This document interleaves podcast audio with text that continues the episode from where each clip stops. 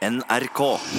Skuespillere og regissører i filmbransjen er kritiske til at mange norske filmer blir spilt inn i utlandet, til tross for at handlingen i filmen utspiller seg i Norge. 225 skuespillere og regissører har nå skrevet under et klimaopprop. De mener bransjen må gjøre mer for klimaet, og at det å fly folk rundt i Europa for å spille inn filmer, rett og slett er ansvarsløst.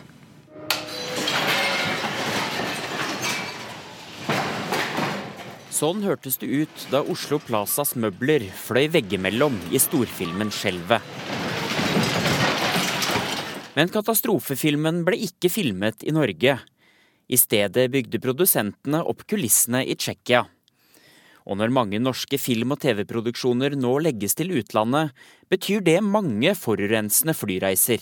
Skuespiller Henrik Mestad, som er kjent fra serien Okkupert, sier at han bruker stadig mer tid i luften på vei til norske filminnspillinger i utlandet. Han var aldri i tvil om at han kunne stille seg bak kravene om en grønnere bransje. Flybilletter er så billige. Så når man ser på økonomien, så er det mye lettere å bare fly oss fram og tilbake og få hver minste ting. Men altså, I verste fall på filmer så har jeg flydd f.eks. til Berlin for å være på kostymeprøve. Også skuespiller Andrea Brein Hovig har signert oppropet. Bransjen må kvitte seg med bruk-kast-holdningen, mener hun. Og hun vil både flyreiser og annen ressursløsing til livs. Det handler om eh, mentalitet, er min opplevelse. fordi overalt ellers i samfunnet så føler jeg at man prater om bærekraft, eh, ressursbruk. Eh, men når man filmer, så er det akkurat som at man er fritatt fra å måtte tenke sånn. Det syns jeg føles gammeldags. Reporter her, det var eh, Tarjei Kramviken. Skuespiller Janne Heltberg, du er en av dem som har satt i gang dette her og tatt initiativ til dette oppropet. God morgen. God morgen. Aller først, gi oss et bilde. Hvor utbredt er praksisen med å spille inn norske filmer i utlandet? Ja, Vi har jo også tenkt på TV-serier, for det er jo også en økende tendens. Det er jo flere og flere TV-serier nå som blir spilt inn i utlandet. Det finnes faktisk ikke rapporter som både har med film og TV-serier, så det er vanskelig å si noe konkret. Men alle mine kollegaer eh, alle er ute og reiser og filmer. Sånn at det er en utbredt praksis. Mm, og det, det, er vel en grunn til det? Ja, det er jo billigere, da. Det er insentivordninger som gjør at, eh, at eh, økonomien trumfer miljøet. Og det er jo også forståelig, fordi man skal jo man vil jo lage den filmen man har sett for seg, og da er det vanskelig med den finansieringen som finnes, å bli i Norge. Mm. Men mener dere da at alle filmer skal lages i Oslo eller i Bergen? F.eks.? Nei, eh, er det en handling som krever at en film må flytte på seg fra, fra der man har produksjonsselskapet, så selvfølgelig må man gjøre det. Men det finnes jo også alternative måter å reise rundt på. Mm. Erik Poppe, du er en av eh, flere filmregissører som har skrevet under på dette oppropet. Hvorfor har du valgt å støtte denne saken? Fordi um, vi må, i likhet med veldig mange andre, måtte innse at vi må måte få til et uh, skifte. Uh, og det skiftet det er ikke noe vi kan forvente at verken nødvendigvis politikere alene eller andre skal gjøre for oss. Vi må ta ansvar selv. Og det er en tid vi er inne i nå hvor barna, hvor mine døtre eh, er ute og demonstrerer. Eh, og hva svarer jeg de på deres spørsmål? Eh, hva har jeg gjort, og hva har jeg gjort i min bransje? Og pappa, du er ute og reiser hele tiden. Mitt miljøavtrykk er ikke pent. Og Det må jeg selv ta ansvar for, og det må vi gjøre sammen. Men hver og en av oss må også måtte gå i oss selv og se hva kan man gjøre til dette med all utenlandsproduksjon eh, eksempelvis, så henger det bl.a. sammen med at måten vi i dag finansierer filmer på, er et resultat av det politikerne satte oss under press på for en 10-15 år siden, hvor de sa at nå må vi bli flinkere til å kryssfinansiere filmene, også med eh, europeiske fond. Og når vi gjør det, og har blitt virkelig gode til det, kanskje best i klassen, så er resultatet at da må de pengene også brukes der de kommer fra. Så vi er jo inne i en litt sånn rar situasjon eh, hvor vi må bruke utenlandske penger ute, og sånn sett, som Janne sier her, reise veldig mye og unødvendig mye. Mm. Men Det er vel en tanke også at filmer skal spilles inn ikke bare i utlandet, da, men også forskjellige steder i Norge? Ja, og det er jo ikke alltid like lett å komme seg rundt om i Norge med, med tog. Eller med buss. Noen ganger så må man faktisk fly også. Men det sier vi jo noe om i oppropet, at hvis man har absolutt nødvendige flyreiser, så kunne man jo tenkt på klimakvoter f.eks. Sånn at det kan gå i hvert fall i null mm. når man har disse nødvendige reisene. Hva er det dere krever da i dette oppropet deres? Det er litt det Erik er inne på. at Først og fremst er det en bevisstgjøring i vår egen bransje. Hva kan jeg gjøre? Men vi tenker også det at eh, produksjonsselskapene har et stort ansvar, som også er veldig mye på deres, bare deres skuldre.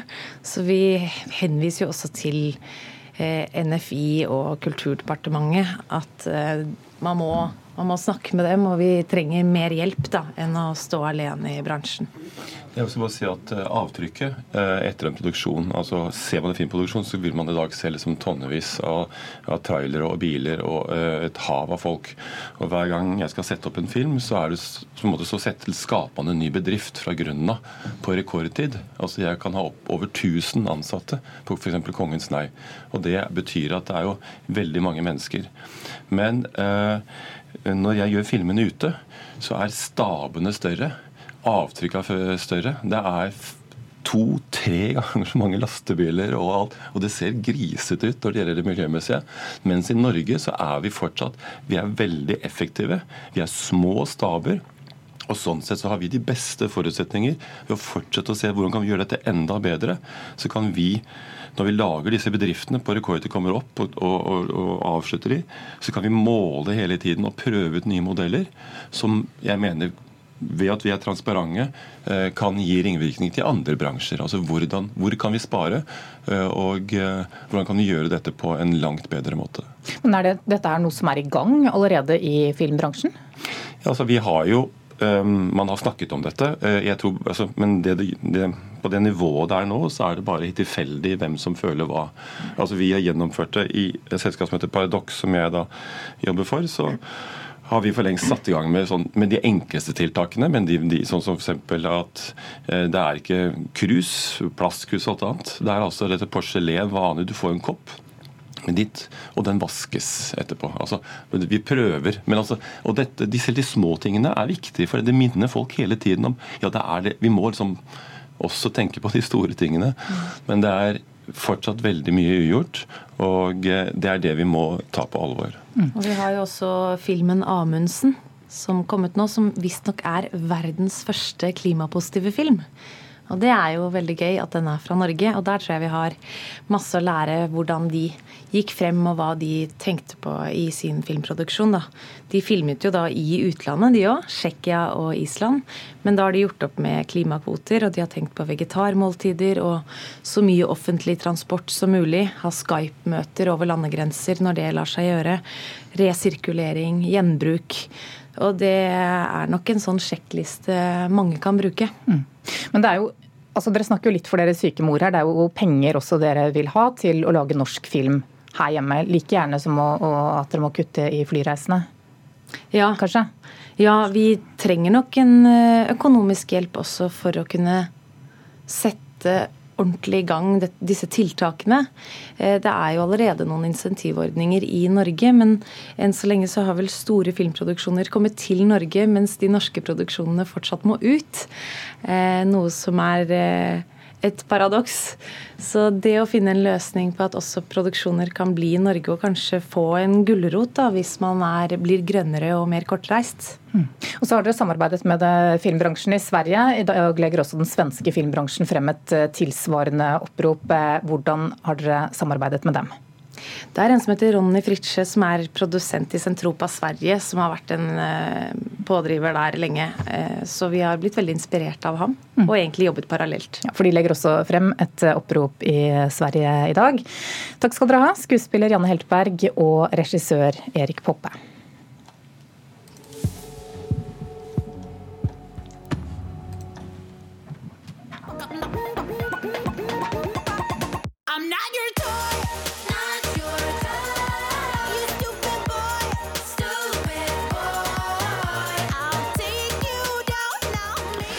Og dette er selve grunnen til at eh, Eurovision Song Contest etter planen skal gå av stabelen i Tel Aviv i mai. Det er Netta som vant i fjor med låta 'Toy'. Men ifølge The Jerusalem Post så ble forberedelsene til musikkonkurransen eh, stanset eh, i går morges. Eurovision-ledelsen forlanger nå at Israels regjering spytter inn midler til sikkerhetstiltak, og det er VG som skriver dette i dag. Og kulturreporter Petter Pettersen, hvordan er egentlig situasjonen i Israel knytta til MGP? Ja, altså Eurovision Song Contest i år er allerede litt omstridt med tanke på situasjonen mellom Israel og, og det palestinske folket, konflikten der.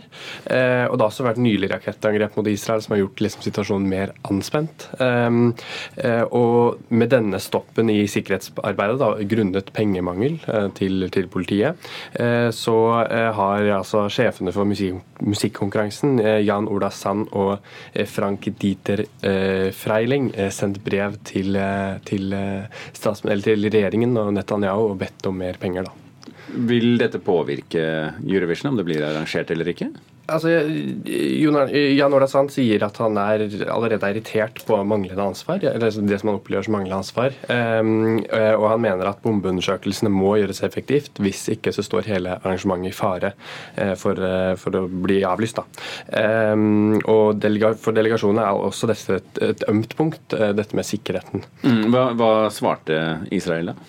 de har, altså Regjeringen svarte allerede i går kveld at de har lovt mer penger til, til arrangøren Børn, altså den statlige kanalen, kan, og arbeidet eh, skal ha starta nå i, i, i, morges. Det blir spennende å se hvordan det går etter hvert. Eh, uansett, eh, Petter Pettersen, takk for at du var her med oss og orienterte. Så har vi fått i, i studio vår kunstanmelder fordi vi skal snakke om vårens store utstilling ved Henny Jonstad kunstsenter, som ligger altså på, i, Bærum utenfor Oslo. Det er Zdenka Rusova, grafikkens nestor, som hun kalles, og Mona Palle Bjerke vi, vi, må nok oppdateres litt på hvem denne kunstneren er. Ja, Dette er en norsk kunstner kan vi si, eh, med tsjekkoslovakisk eh, opprinnelse. Hun flyktet fra Tsjekkoslovakia via Tyskland til Norge i 1970, og har gjort seg sterkt bemerket i norsk kunstliv siden, ikke minst også som både rektor og professor ved Statens kunstakademi. Dette er hennes tredje store separatutstilling ved Henny Jonstad kunstsenter. Mm. Kan du beskrive for oss eh, disse bildene? Ja, Hun er jo en som jobber Hun jobber i og for seg også med maleri, men nå er det grafikken og papirarbeiden hennes som det fokuseres på. Hun er en kunstner som jobber gjerne ekspressivt, altså liksom følelsesladet og med store, mektige former. Eh, hun begynte ut da i Tsjekkoslovakia med et figurativt formspråk, men sier selv at hun måtte bryte seg fri fra anatomien. og Dette viser hun helt konkret i arbeider i utstillingen, hvor hun rett og slett tar fra hverandre et ansikt, f.eks. Plukker ut nesen, tar bort øynene, flytter på alt. Eh, og dette da for å fristille seg fra det figurative formspråkets begrensende mm. rammer. Men hun endte vel ikke der? Hun brukte det videre Nei, så utviklet hun det jo videre til et rent, eller i aller største grad et rent abstrakt uttrykk. Men vi finner jo figurasjonen kommer av og til tilbake i små Kanskje er det en profil av et ansikt eller noe som ligner hender. Og noen ganger så åpner disse abstrakte uttrykkene seg og ligner på landskaper, da. Mm. Eh, jobbet som kunstner, som du påpeker, i mer enn 50 år. Eh, skal vi da forvente en kronologisk gjennomgang av arbeidene, så vi ser denne utviklingen? Nei, det, det, får vi ikke i utstillingen. Man har valgt å ikke gjøre det kronologisk i det hele tatt, men formslektskapet mellom ulike verksgrupper er det som står i sentrum. Det er egentlig et godt valg, for vi får liksom sånn veldig opplevelse av eh, disse hvor, hvor, på en måte kontinuerlig hun har jobbet med de samme formale eh, problemstillingene. Det begynner jo med de nyeste arbeidene hennes, som er noe av det beste også, syns jeg. Her har hun jobbet med skraveringsteknikk, altså med eh, filtpenn eller tusj. Og det er da grått mot den hvite bakgrunnen. Det er dyp blått med isletta turkis. Og her ser vi også veldig dette at det er både en mektig formkomposisjon, men det ligner også et landskap. En dyp dal med smeltevann i bunnen og en isbre. Men, men dette er jo et, et eh, Henny Jonstad er jo et kunstsenter med, med det er høyt under taket og det er store, flotte rom osv. Er, er kunstverkene hennes tilpasset? Er det størrelse nok i dem, eller må man henge mange på veggen for å få Hun lager ikke så mektig store store formater, egentlig. Men det, jeg syns dette passer veldig godt til utstillingsrommene. Og de får nok luft rundt seg til at man virkelig kan oppleve hvert enkelt arbeid. Dette er jo vårens hovedsatsing på Henny Onsdag kunstsenter. Blir det en av de store suksessene i, i, rekken av eh, noen vellykkede de har hatt i det siste? Ja, jeg syns det er veldig fint at de også tar med den helt tidlige fasen hennes og viser også sånn at vi får sett utviklingen i dette veldig viktige kunstnerskapet fra hun i Tsjekkoslovakia jobber figurativt med sirkusmotivet, med det burleske, akrobatene, linedanserne, eh, og også dette som sirkuset er på en måte kjent for dette å fremkalle på en måte blanding av fascinasjon og vemmelse med f.eks. en kvinne med dyriske trekk, en type løvekvinne med bukkehorn. Så har vi denne utviklingen helt frem til det, de rike, åpne, abstrakte bildene hennes. En veldig, veldig fin En klar og tydelig anbefaling her, forstår jeg det rett? Ja, helt utvilsomt. ja, okay. Onsdag Kunstsenter, altså vår vårutstillingen der. Mona Pallverke, takk for at du kom til oss.